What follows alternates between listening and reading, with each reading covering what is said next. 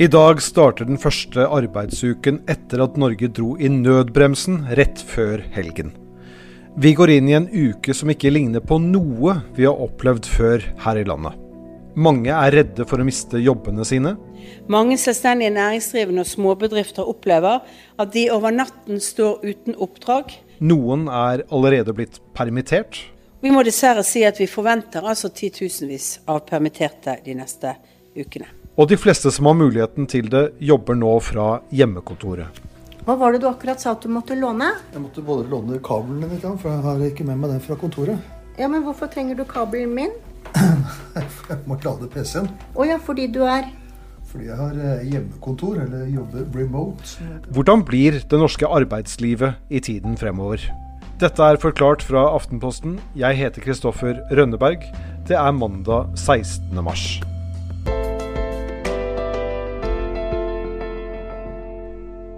Nei, Jeg har jo jobba 24-7 nå i lang, lang tid. Og har vært rundt på møter med statsråder, bedrifter og vært på kontoret. Men Ole Erik Almli er administrerende direktør i Næringslivets hovedorganisasjon, NHO. Den siste tiden har han jobbet døgnet rundt fra Næringslivets hus på Majorstua i Oslo, men i går startet en annerledes jobbhverdag også for ham. Men i morges klokka ti så fikk jeg beskjed av Helsedirektoratet at jeg var satt i karantene, så i dag kan jeg jobbe hjemmefra i privathuset mitt. Vi har aldri noensinne stått i en situasjon vi er i nå, i fredstid.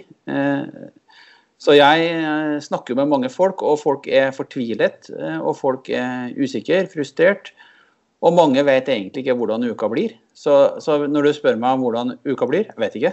Det kommer til å bli massiv økning i arbeidsledigheten, f.eks. Ganske raskt. Så, så, vi står i usikre tider og er egentlig ikke som samfunn i stand til å forstå hva som skjer, og heller ikke i stand til å håndtere det 100% så Derfor så syns jeg det er godt å se hvilket samarbeid det er mellom partene i arbeidslivet og mellom bedriftene og mellom ikke minst staten og arbeidslivet. Så det blir rart, eh, dette altså. Dette blir veldig uvant.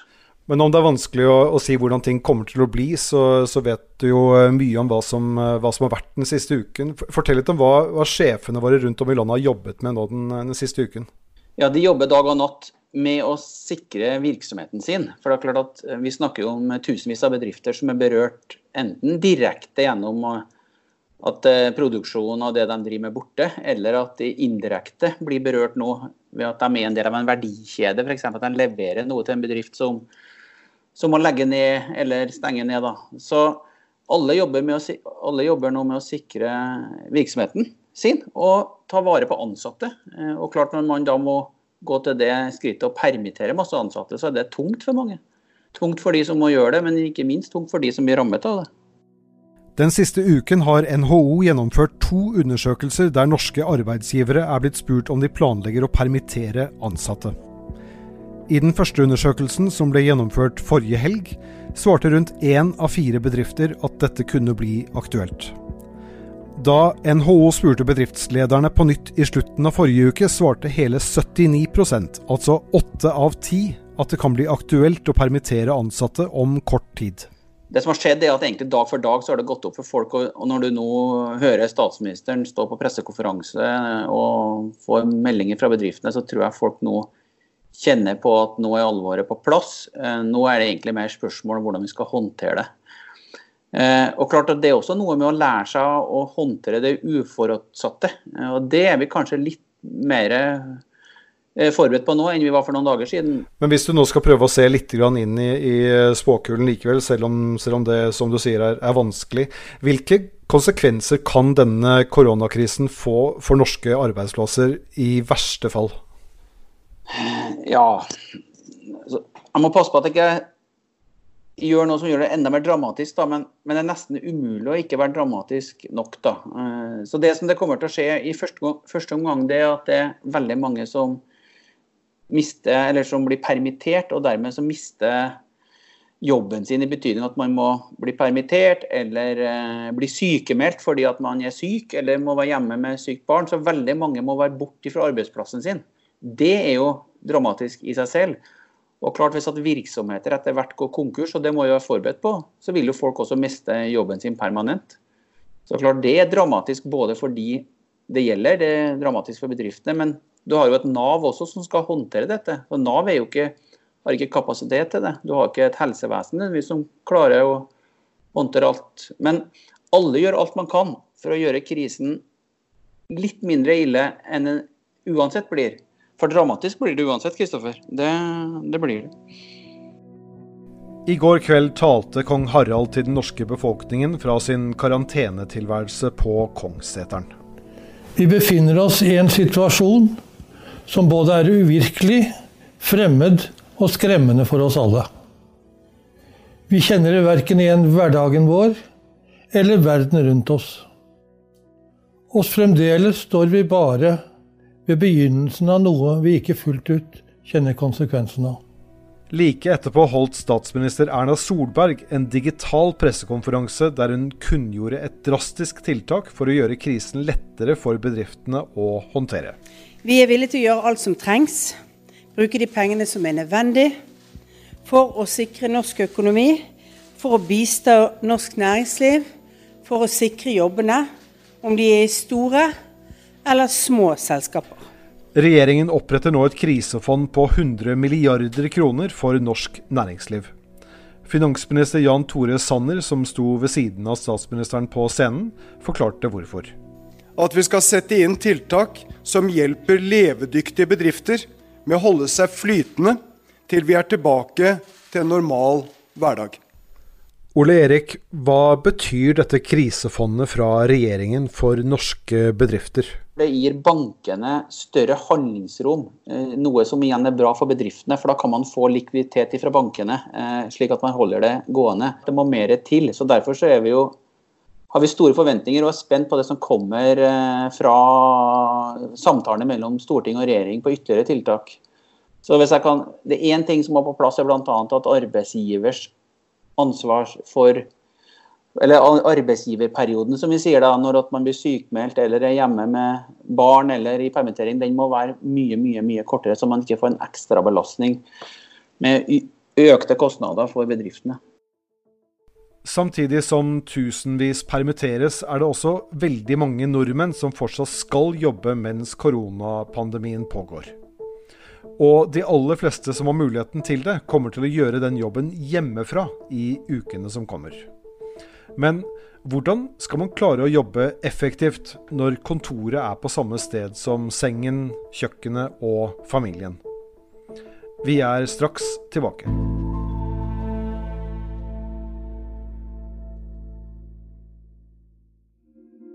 Hei, Gaute Solberg her. Jeg jobber vanligvis med elektroprosjektering av jernbane og sporvei. Største forskjellen for meg er egentlig at jeg drikker bedre kaffe nå, og at eh, motivasjonen kanskje er noe lavere enn hvis jeg hadde sittet på kontoret.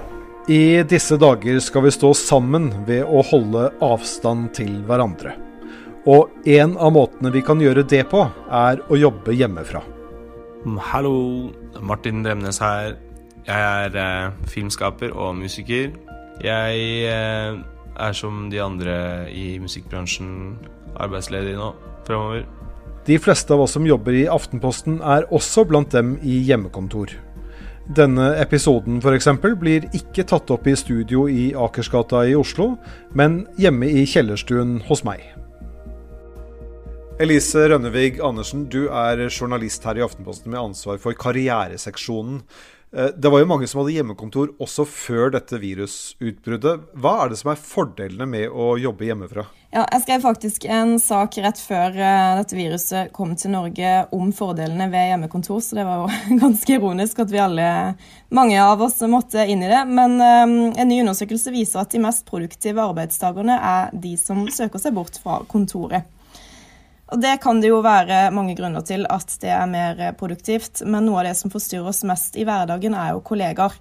Og de avbrytelsene slipper vi rett og slett med hjemmekontor. I tillegg så svarer man jo en del reisetid til og fra jobb, og den tida kan jo heller da brukes på jobb, så derfor kan man i mange tilfeller få gjort mer. Men så gjelder det å være effektiv når man er på, på jobb, også på hjemmekontoret. Hva, hva, er det viktigste man kan gjøre for å, for å sikre seg at man, er, at man er effektiv? Jeg tror at det viktigste er å opprettholde, altså opprettholde noenlunde rutiner. Stå opp til normal tid, skrive ned en plan for hva du tenker å ha gjort i løpet av dagen. Ha det gjerne klart dagen i forkant. Eh, og så tror jeg også det er lurt å ikke ha TV-en og andre sånne avbrytelser konstant stående på i bakgrunnen. Nettaviser, sosiale medier og push-varslinger kan kanskje slås ned, eh, slås av. Eh, det er jo sånne typisk forstyrrende elementer som eh, går i løpet av dagen. Går det an å ha en effektiv arbeidsdag når hele familien er samlet under ett tak? Altså, her, eh, her, har jeg ingen erfaring sjøl, så jeg lener meg på eh, vår jobbekspert Helene Tronstad Moe, som er trebarnsmor, og tipser om at eh, det er viktig å beholde døgnrytmen og lage en fast plan for dagen med hensyn til måltider, pauser og aktiviteter. Og Er dere to foreldre, så del gjerne dagen mellom dere. En kan f.eks. passe barna før lunsj, og en etter. Og På den måten så får man jo sjøl noen effektive arbeidstimer i fred og ro. Og så er det jo sånn at Mange av barna de har jo ikke fri. Det, det betyr jo at de skal jobbe hjemmefra med skolearbeid eh, fem dager i uka. Eh, så forklar barna det, at eh, de må også ha noen arbeidsøkter. Så må du jo selvfølgelig følge opp det, da. Jeg heter Eivind. Jeg jobber i høyskolesektoren. For min del så eh, får jeg gjort egentlig alt jeg skulle ha gjort. Det er bare det at det ikke er noe å gjøre nå. Jeg jobber med, med opptak til videreutdanning og mastergrader og sånn, og det virker som at folk generelt ikke er mest opptatt av å få slengt inn de søknadene sine akkurat nå. Oh, har du laga lunsj? Så digg. Helt fersk lunsj, faktisk. Helt fersk lunsj? Ikke noe svettost i matpapir. Så bra. Hvordan syns du det er å ha hjemmekontor, da? Overraskende deilig, egentlig. Ja. Ingen forstyrrelser. Altså ingen irriterende mennesker på lesesal. Bare meg i min lille hule. Lille hule går bra for en dag, i hvert fall. Et par til oss so vi få far, til. so good. vi får se om en uke, tenker jeg. Ja, det tror jeg også. Ja. Ok, så hvis alle opprettholder rutinene våre og gjennomfører dagens arbeidsplan, skrur av TV-en og sosiale medier og beholder døgnrytme, kosthold og tar pauser, vil AS Norge klare å holde hjulene i gang fra de tusen hjem? Vi spør NHO-sjef Ole Erik Almli. Det er jo mange bedrifter som opplever at de ansatte er hjemme nå. Og for mange går det greit, i og med at man har gode nettverk og god kommunikasjon eh, ja, via Skype og ja, FaceTime og telefon og mail osv. Men for mange bedrifter går det jo ikke. For klart at Hvis du bygger et hus, så bygger du et hus. Og da er du på byggeplassen. Eller om du bygger et, et skip, eller hva det, hva det måtte gjøre. Så for noen går det bra, og for andre går det ikke bra. Og det er litt avhengig av hvilken bransje du er i. Så klart at det å være hjemme for mange er faktisk en ny opplevelse, og kanskje opplever mange at det går greit. Men i mange, mange bransjer så er det veldig vanskelig når folk forsvinner fra arbeidsplassen. Vet dere Ole Erik, hvor mange det er i Norge som nå jobber hjemmefra denne uken? Nei, det vet vi ikke, for det skjer nå fra dag til dag. Men vi vet jo at det er mange som gjør det. Eh, og spesielt i de store byene er det jo det. Der det er sånn typisk kontorarbeidsplasser, og hvor mye av jobben kan gjøres hjemmefra, så er jo mange sendt hjem. Men vi hører jo også fra de store ja, verftene og fra byggeplassene osv. Og, så og fra hotellet hvor det å være til stede har betydning. Der stenger man jo ned virksomhet fordi at folk er hjemme. Og da er jo hjemmekontor ikke en god løsning på sikt, da. Nå er det jo tidlig fortsatt i denne prosessen, vi vet ikke hvor lenge den vil vare. Men før eller senere så kommer vi ut på den andre siden. Tror du at dette gigantiske eksperimentet vi nå gjennomfører i norsk arbeidsliv, vil endre måten vi jobber på når vi kommer ut på den andre siden? Ja, Det er et veldig godt spørsmål, Kristoffer. Og mange har nok allerede begynt å tenke på det det vil, nok, det vil nok være avgjørende for hvor ille dette blir. For hvis dette blir historien om at mange mista jobben sin, så tror jeg nok det først, først og fremst blir historien om denne tiden vi er nå inne i. På andre sida så kan det jo hende at mange opplever at det å jobbe med ja, digitale kommunikasjonsverktøy faktisk er veldig bra, og det gjør det lettere etter denne perioden å kanskje gjøre det i større grad. da. Eh, Kanskje reiser man mindre som et resultat av det, og dermed også sparer klima fordi at man bruker Skype osv. til å kommunisere. Men jeg tror vi skal gi det litt tid nå, for at fortsatt er det jo så alvorlig det vi ser. Og det kan bli så store, få så store følger for så mange mennesker og så mange familier at At jeg er først og fremst bekymra for det. Og så får vi gjøre opp status eh, noen uker og måneder fram i tid på hva vi har lært og ikke. Du eh, fortalte jo i stad at eh, du nå jobber hjemmefra i, i karantene. Hva er ditt beste hjemmekontortips? Hvordan skal du klare deg gjennom disse neste ukene når du jobber hjemmefra?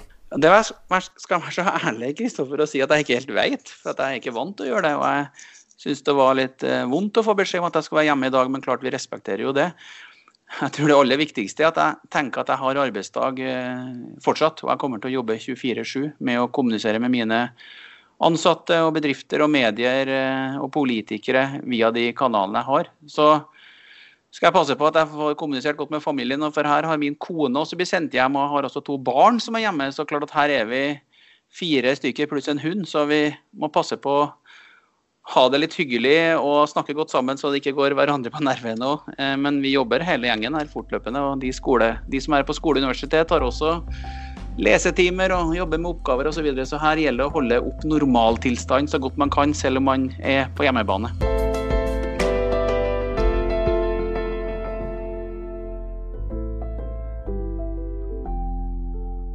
Forklart lages av Karoline Fossland, Andreas Bakke Foss, Anne Lindholm, Fride Næss Nonstad og meg, Kristoffer Rønneberg. I denne episoden har du hørt lyd fra NRK og regjeringen.no.